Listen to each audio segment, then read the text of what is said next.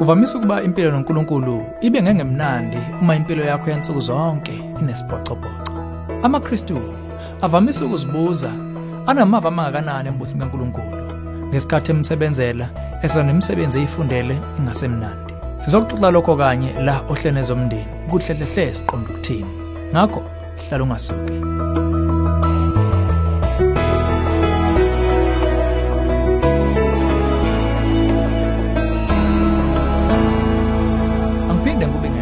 Ngikubingelele. Ezomndeni uhlelo lwakho lokulethela izeluleko eziphathekayo ngaba ka focus on the family. Umlalo usibhala umbuzo omkhulu ohlupha abazana abaningi uthe Ngingalazi kanjani ubizo likaNkuluNkulu empilweni yami? Kuyiminyaka ngisebenza emsebenzini onzima nongahlabe emxhwele. Awukho intokozo nokuneliseko ongilethele khona ngaphandle lokuthi usigcina nje sinesinkwe etafuleni njengomndeni. Ngokwami ukubuka yikho kuseqhulwini elikhulu lokho. Khona manjalo, ngiye ngizwa abashumeli bethi uNkulunkulu unobizo liqondene nawe nokuthi lolo bizo lubandakanya nomsebenzi wami imbali. Ngokwami ukubuka leyo nkulumo imile ngezwi. Nicabangani? Ukuphendula ngqo lombuzo kumele sithi qala eminyakeni yakamumva. Ngokwetheology yamakatholika yandulo, igama phecelezi vocation lalichaza ukukhonza uNkulunkulu ebandleni. Ngamanye amazwi, laliqonda njengobizo lokuba ngumpristi nezindela. Babekholwa futhi ukuthi uNkulunkulu ubiza abantu abathile ngokobizo lwakhe oluphakeme nolukhethekile olubizayo ngokwempilo. Bese sonke sibe ngabakhangezi balezobusiso zabizwe ekujuleni kwabo. AmaProtestanti awuphenyisa lo mqondo abese eqala ukukhuluma amatemu athi ubupristi babo bonke abakholwayo 1 Petru 2 verse 9 bathi bona uNkulunkulu sibiza sonke noma sikuphi la sikho noma senzani inqobo nje kuqhoba umbuso wakhe. Leli gama ke lomsebenzi wakho vocation selibuka njengomsebenzi womqashi. Nokho kusemqoko uqonda ukuthi ama reformers ayingenakho lokho engqondweni.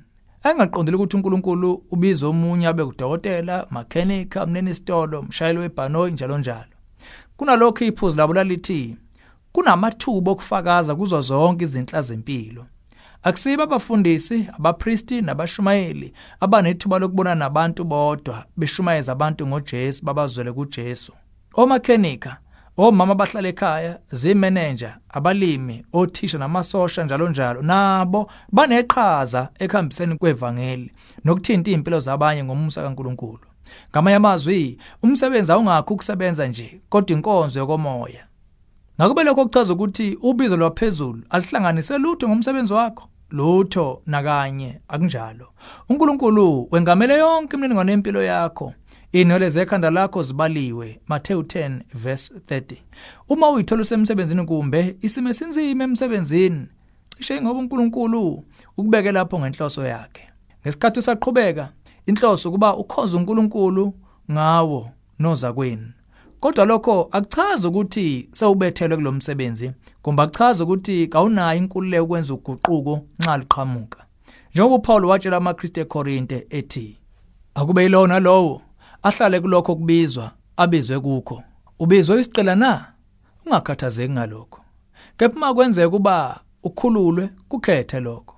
Ngokuba owabizelwe inkosi neyisiqila ungokhululekileyo wenkosi.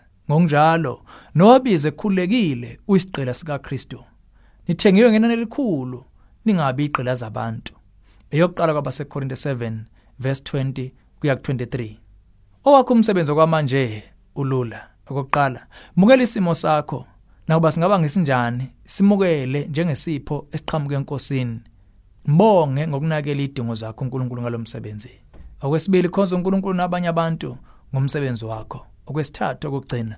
Uma lithola ithuba ugudluka gudluka zama ukusha kumbe ufundo okusha ngayo yonke indlela vuleleka kukho. Khumbula ukuthi ubizo lwakho lokuqala ukumthokozisa yena ngakho konke okwenzayo kwabasefeso 6 verse 5 lolu hlelo ezomndeni ulethulelwe yifocus on the family sihlangabezwa hlelo luzayo sesihlabelisa phambili umndeni wakho.